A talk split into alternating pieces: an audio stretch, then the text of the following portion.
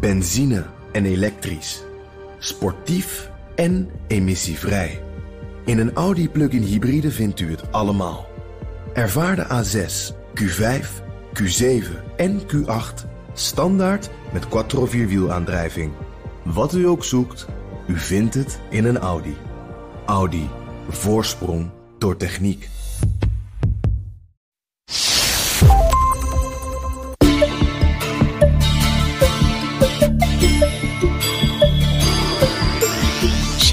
Heeft zich de afgelopen 20 jaar op technologisch gebied gigantisch ontwikkeld. Die ontwikkeling is zo snel gegaan dat de Chinezen op een aantal vlakken zelfs leidend zijn geworden. En dat heeft voor een deel te maken met het feit dat China niet behept is met allerlei assumpties en allerlei ideeën over technologie en maatschappij die wij wel zijn. Daardoor zijn bedrijven als Alibaba, Tencent en ByteDance uitgegroeid tot wereldspelers op techgebied. Maar sinds kort tikt de Chinese overheid deze techgiganten steeds vaker op de vingers. Zowel op het gebied van financiële regelgeving, zowel op het gebied van data, zowel op het gebied van uh, antitrust, is het achterstallig onderhoud. In deze aflevering zoek ik, Liao Wang, daarom uit wat de gevolgen hiervan zijn voor de Chinese techgiganten. Hoe machtig zijn ze nog? En hoe gaan deze bedrijven er in de toekomst uitzien? Dat ga je horen in deze aflevering van de China-podcast. Van mijn gasten. Ik ben Rogier Kremers, universitair docent aan de Universiteit Leiden in het recht en bestuur van moderne China. Waar ik mij vooral bezighoud met onderzoek naar China en technologie, zowel in binnenland en buitenland. En Ed Sander. Ik ben uh, China Tech Watcher, uh, spreker en studietourleider voor ChinaTalk.nl. En vandaag gaan we het hebben natuurlijk over de grote techgiganten. Uh, daarvoor wil ik even terug naar eind jaren 90, begin jaren 2000, uh, naar de BED. Ed, wil jij ze introduceren? Ja, de BED waren destijds de drie grote internetbedrijven: Baidu, Alibaba en Tencent. Um, tegenwoordig hoort Baidu er eigenlijk niet, niet zo heel erg meer bij, omdat uh, Baidu is eigenlijk een stuk kleiner. Dus als we het tegenwoordig over BED hebben, dan is het meestal ByteDance, Alibaba en Tencent. Maar dat waren wel de drie grote internetbedrijven uh, die ook een van de drie uh, eerste waren die de markt opkwamen in China.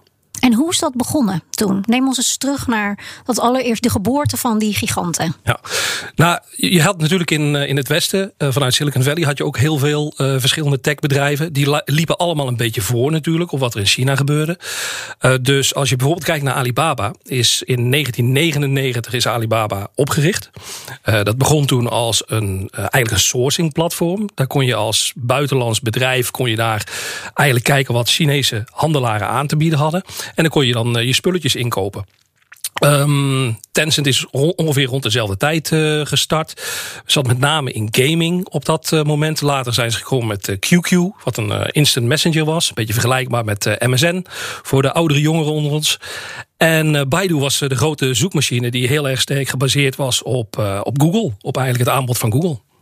En Rogier, als we nou eens doorspoelen naar vandaag, hè, en Baidu even daar latend, want die heeft het een beetje afgelegd. Maar Alibaba en Tencent, wat zijn dat voor bedrijven nu?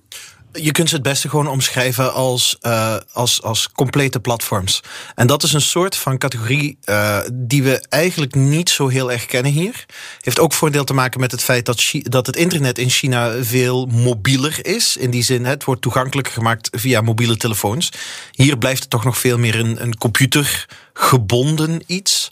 Um, maar het komt erop neer dat het allebei conglomeraten zijn die natuurlijk wel hun eigen zwaartepunt hebben. Het vertelde net, uh, Alibaba is begonnen als sourcing platform. En een core business van Alibaba nog steeds is e-commerce. Dat heeft uh, Tencent minder.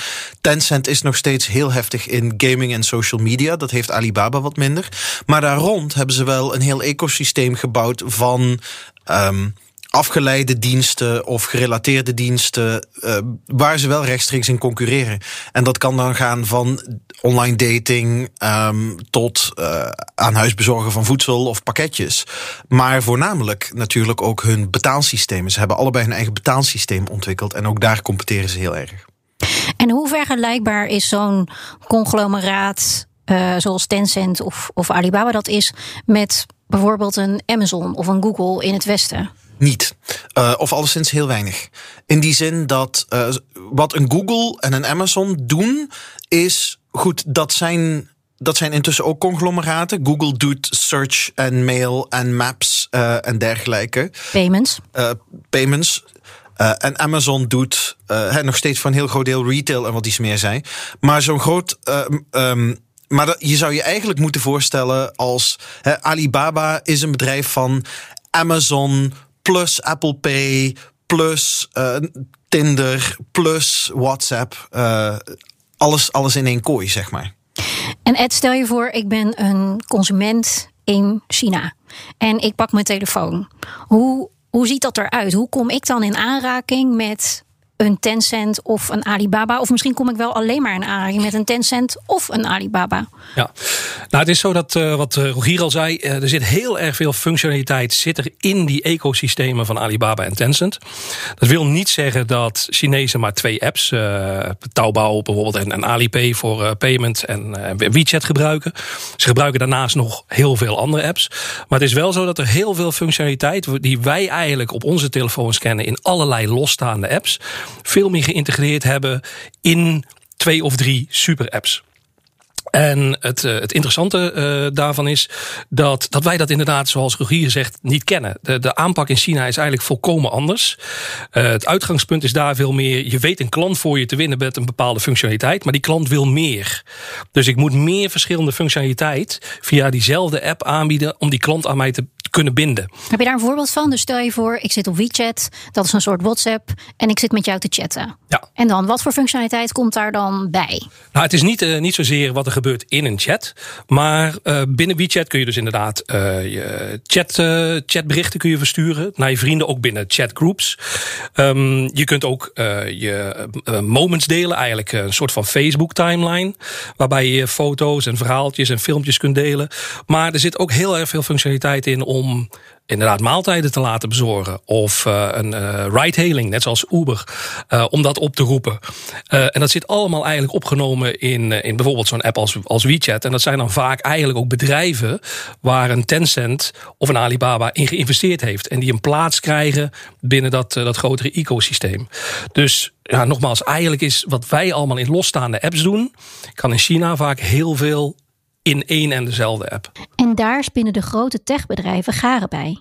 Alibaba heeft inmiddels meer dan 1 miljard actieve gebruikers wereldwijd. En Tencent staat momenteel in de top 5 van grootste techbedrijven ter wereld. Maar hoe kan het dat deze bedrijven zich zo hebben kunnen ontwikkelen?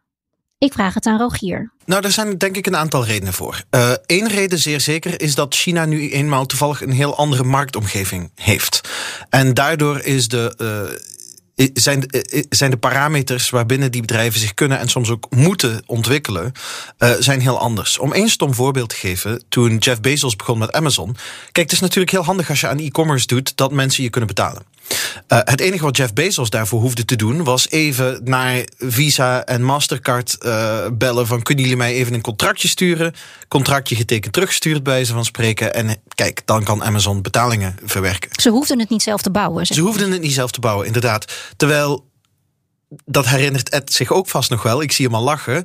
Maar tot voor heel kort geleden, als je naar China ging, dan deed je gewoon alles met cash geld. Kleine transacties, maar ook enorme transacties. Dat is heel handig als je gewoon in een restaurant zit of een winkel binnenloopt. Het is heel onhandig als je op je telefoon dingen doet. Uh, dus Alibaba en later Tencent hebben hun eigen betaalplatform moeten uitvinden, gewoon om te kunnen bestaan, om diensten te kunnen verlenen. En dat zie je op allerlei verschillende manieren. Dat, uh, dus dat leidt al tot integratie. Als je zegt, wij hebben ons eigen betaalsysteem.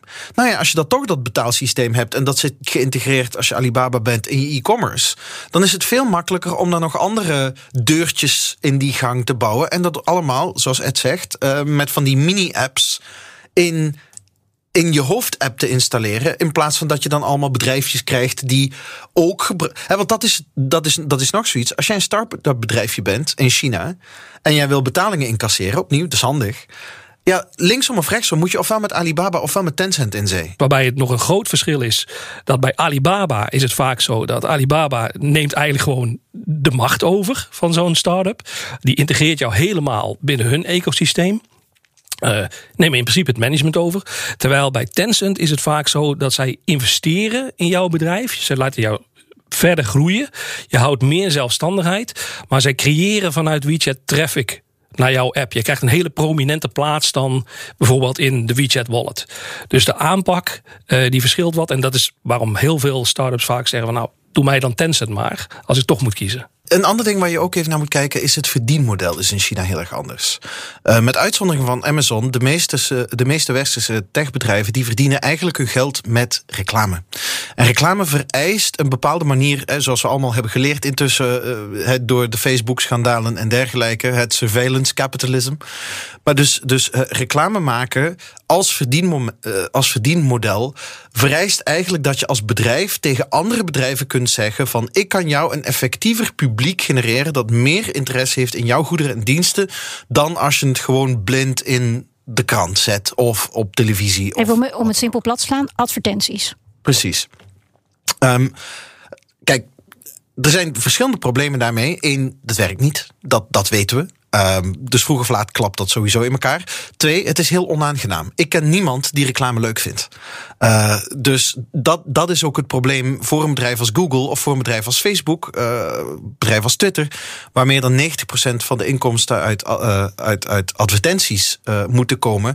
Dat is eigenlijk een krakende tak die stilaan aan het afbreken is. En de vraag is dus, wat, wat is de, de, de, de inkomensstroom die dat, uh, die dat model in de lucht gaat houden? In China werkt het net iets anders. Daar is de advertentiemarkt om te beginnen een stuk kleiner. En de internetplatforms die halen hun inkomsten daadwerkelijk uit diensten waar mensen wat voor willen betalen, rechtstreeks dan wel onrechtstreeks. Het ligt iets genuanceerder. Um, enerzijds klopt het wat uh, Rogier zegt, dat, uh, dat uh, veel apps maken in China minder gebruik van, van reclame. Geldt niet voor alle apps. Als je bijvoorbeeld kijkt naar ByteDance, die is weer heel erg gebouwd op advertenties namelijk. Want dat krijg je allemaal geserveerd als je in Douyin, de Chinese versie van TikTok, eigenlijk aan, het, aan het browsen bent of aan het swipen bent.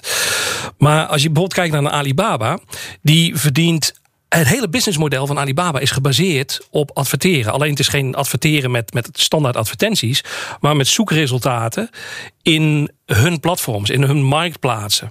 Wil jij zichtbaar zijn met jouw product op Tmall of op Taobao, dan zul je daarin moeten investeren met search engine advertising. En hetzelfde geldt ook voor Baidu. Net zoals Google verdien, verdiende die heel erg veel geld aan, aan zoekmachine adverteren. Dus, maar het is, het is uh, een stuk minder, zeg maar, het, het serveren van allerlei flashscreens met, uh, met een hoop uh, advertenties op die manier. En nou, we hebben er al een paar keer aan geraakt, hè, maar deze twee zijn dus super machtig geworden. hoe gedragen ze zich ten opzichte van elkaar? Nou, wat je, wat je eigenlijk ziet is, uh, je hebt een aantal sectoren waar je zeg maar duopolies hebt. En er moet genoeg concurrentie zijn om het interessant te houden. Maar ze willen eigenlijk ook niet te veel in mekaars vaarwater zitten. Want het, ja, een dergelijk bedrijf weet dat gewoon dat is gewoon niet goed.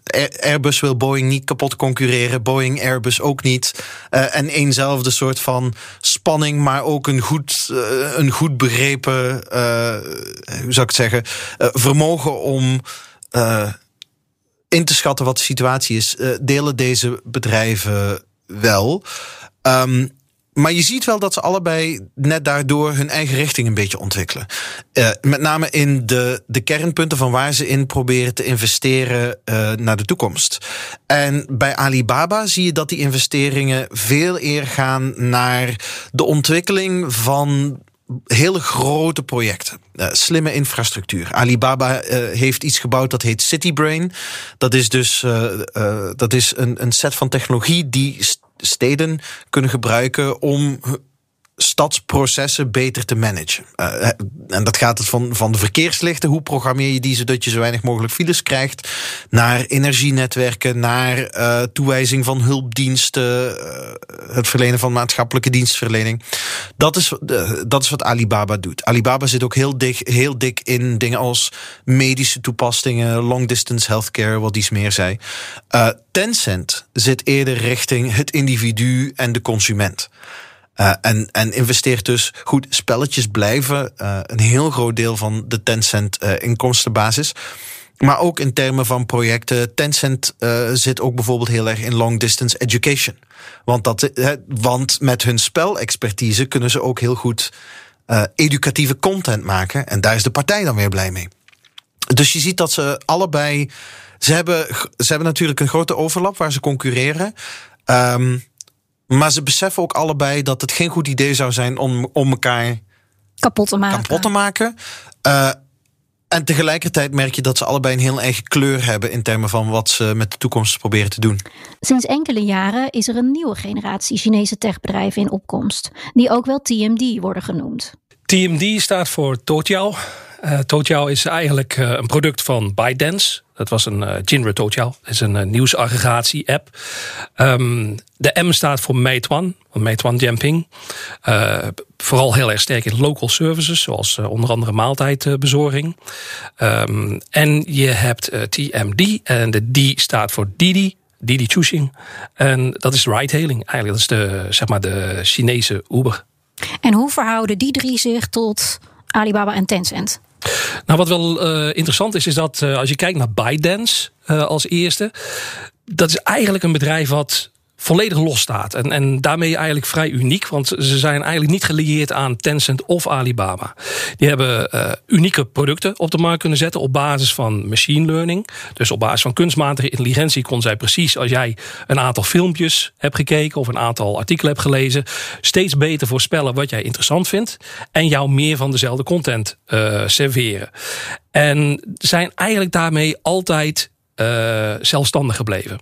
Als je kijkt naar de andere twee, Meituan en Didi, volgens mij is het in beide gevallen zo dat zowel Alibaba als Tencent daarin geïnvesteerd hebben.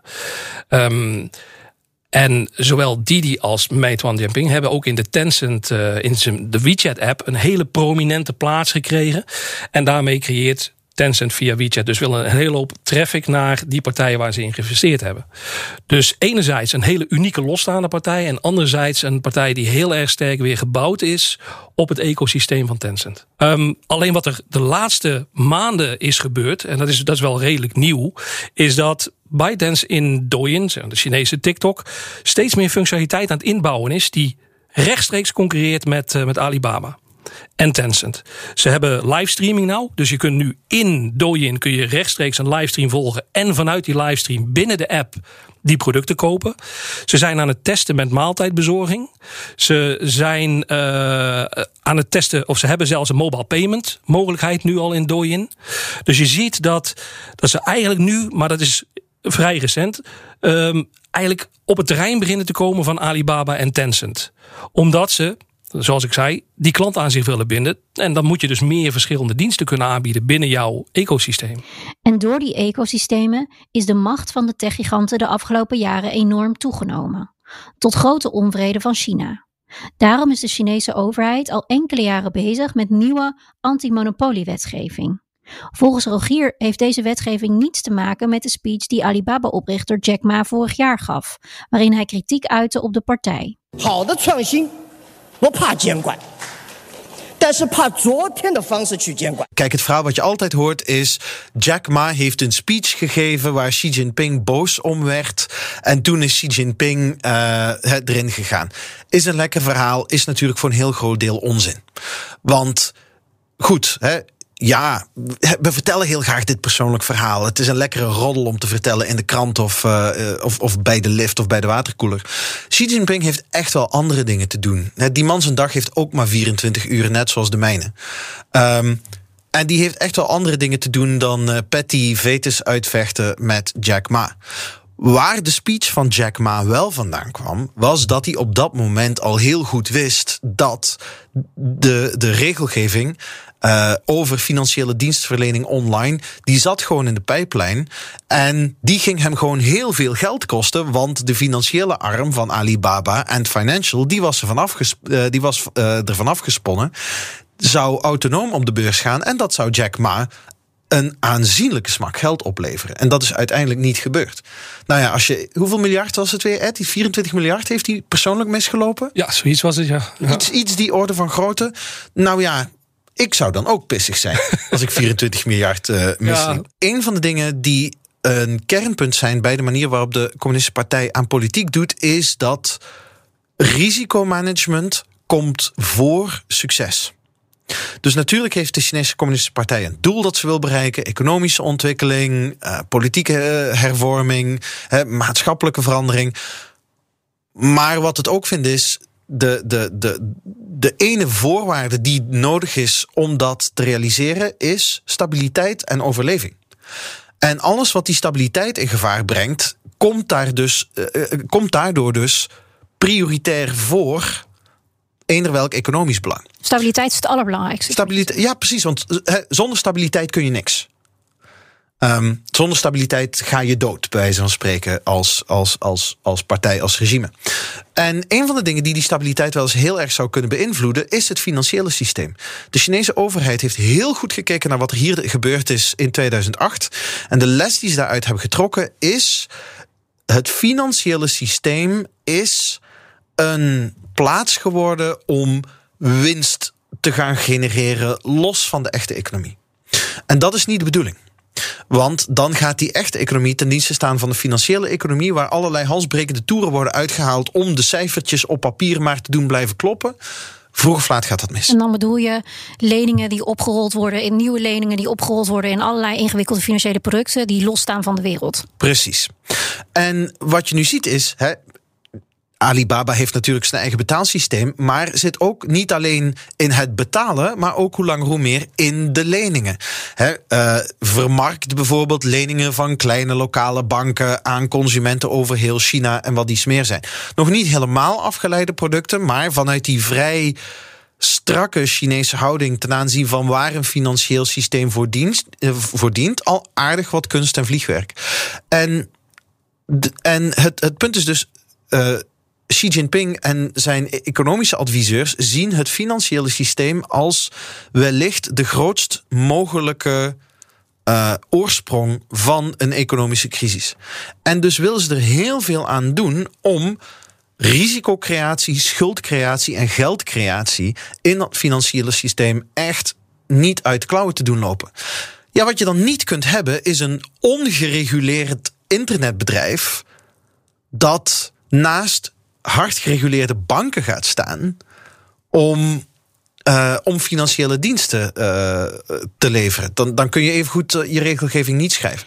En dus is de Chinese overheid volgens Ed de regelgeving uit 2008 aan het updaten. Op het moment dat die werd ingevoerd, was hij eigenlijk al niet meer voldoende van toepassing op de internetbedrijven. Uh, want wat belangrijk is voor het bepalen van een monopolie is uh, de term relevante markt. Wat is de relevante markt? En die kon niet goed omschreven worden voor internetbedrijven. En daarom liep eigenlijk de, de wetgeving, die, die liep heel erg achter op de daadwerkelijke situatie. Dus ik zeg altijd, zowel op het gebied van financiële regelgeving, zowel op het gebied van data, zowel op het gebied van uh, antitrust, is het achterstallig onderhoud. Men is eigenlijk bezig om wetten die wij al hebben, om die nu in te voeren. Alibaba is een van de eerste Chinese bedrijven die te maken heeft gekregen met die nieuwe wetgeving. Niet alleen is begin dit jaar de beursgang van Alibaba's moederbedrijf Ant Group uitgesteld, ook heeft het bedrijf van Jack Ma een miljardenboete gekregen. Chinese regulators have slapped a 2.75 billion dollar fine on Alibaba. The e-commerce group founded by Jack Ma is accused of violating anti-monopoly rules and abusing its dominant market position. Een van de, de dingen die het meest uh, misbruikt is, is bijvoorbeeld dat Alibaba uh, tegen handelaren die op hun platform wilden verkopen, heeft gezegd van dat kan, maar dan mag je niet bij onze concurrent JD.com op platform gaan staan. En doe je dat wel, dan werden ze weggedrukt uit de zoekresultaten. En zoals ik heb verteld, ja, dat, dat, zonder zoekresultaten in die marktplaatsen, dan verkoop je niks. Daar, dat is waarom Alibaba een, een boete van 2,8 miljard dollar heeft gekregen een, een, paar maanden geleden. Vanwege dat soort machtsmisbruik. En dat is de eerste grote. En er zullen er nog meer gaan komen. Want Didi wordt nu eigenlijk uh, dwars gezeten. Of in ieder geval aangepakt wegens cybersecurity. En misbruik van persoonsgegevens. Maar je kunt erop rekenen dat daar ook nog een antimonopolie onderzoek plaats gaat vinden. Want Didi heeft 90% marktaandeel in China. Wat ik wel uh, belangrijk vind om, om ook even toe te voegen uh, aan, de, aan de hele gedachtegang en de manier waarop wordt gekeken naar die regelgeving in China en hoe die techbedrijven worden aangepakt, is je zou echt moeten kijken van wat is nou daadwerkelijk aan de hand bij die bedrijven. Het merkwaardige is dat wij eigenlijk alles wat er gebeurt in China uh, negatief bekijken als iets engs wat de Communistische Partij doet. Nou, de Communistische Partij doet hele enge dingen die je daglicht niet kunnen verdragen. Maar dat wil niet zeggen dat alles wat ze doen slecht is. Net zoals niet alles wat de Verenigde Staten doet goed is, alles wat Europa doet goed is.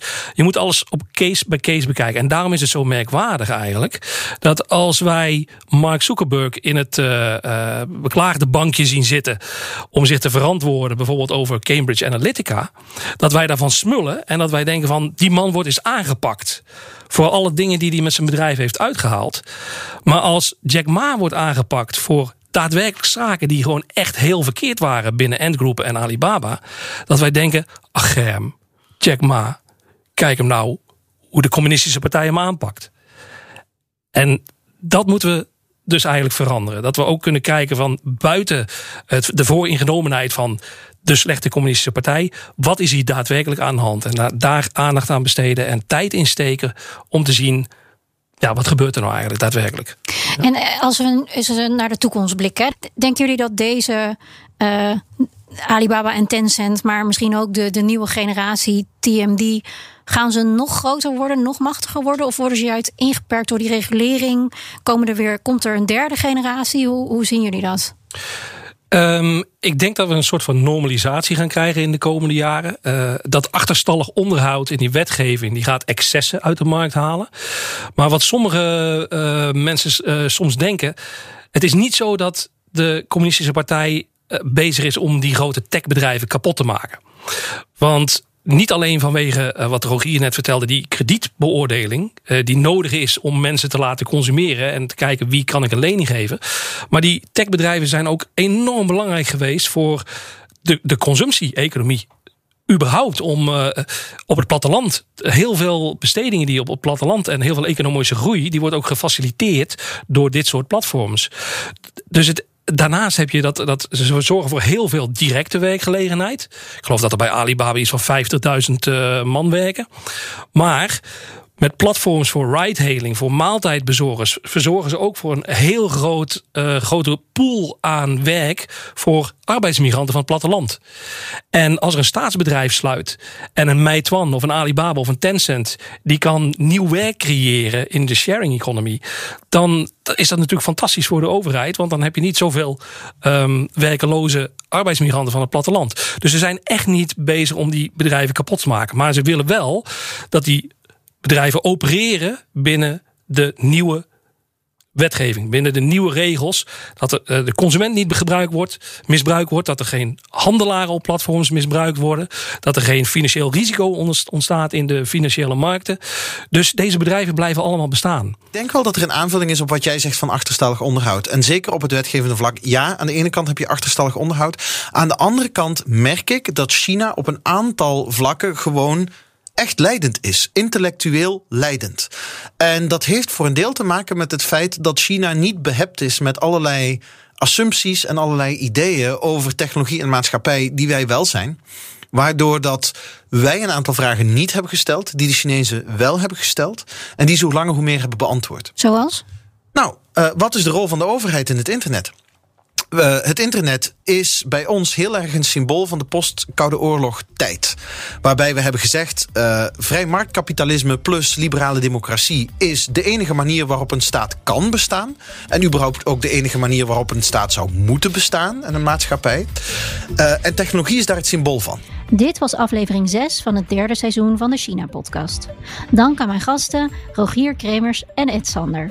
Deze podcast wordt mede mogelijk gemaakt door het Leiden Asia Center. De China-podcast wordt gemaakt door mij, Yao Wang en John Boy Vossen, die de productie doet. Volgende keer kijken we naar de Chinese copycats. Eerdere afleveringen van de China-podcast zijn terug te luisteren via bnr.nl slash China-podcast, de BNR-app of je favoriete podcastplatform. Reageren? Dat kan via podcast.bnr.nl. Benzine en elektrisch. Sportief en emissievrij. In een Audi plug-in hybride vindt u het allemaal. Ervaar de A6, Q5, Q7 en Q8 standaard met quattro vierwielaandrijving. Wat u ook zoekt, u vindt het in een Audi. Audi. Voorsprong door techniek.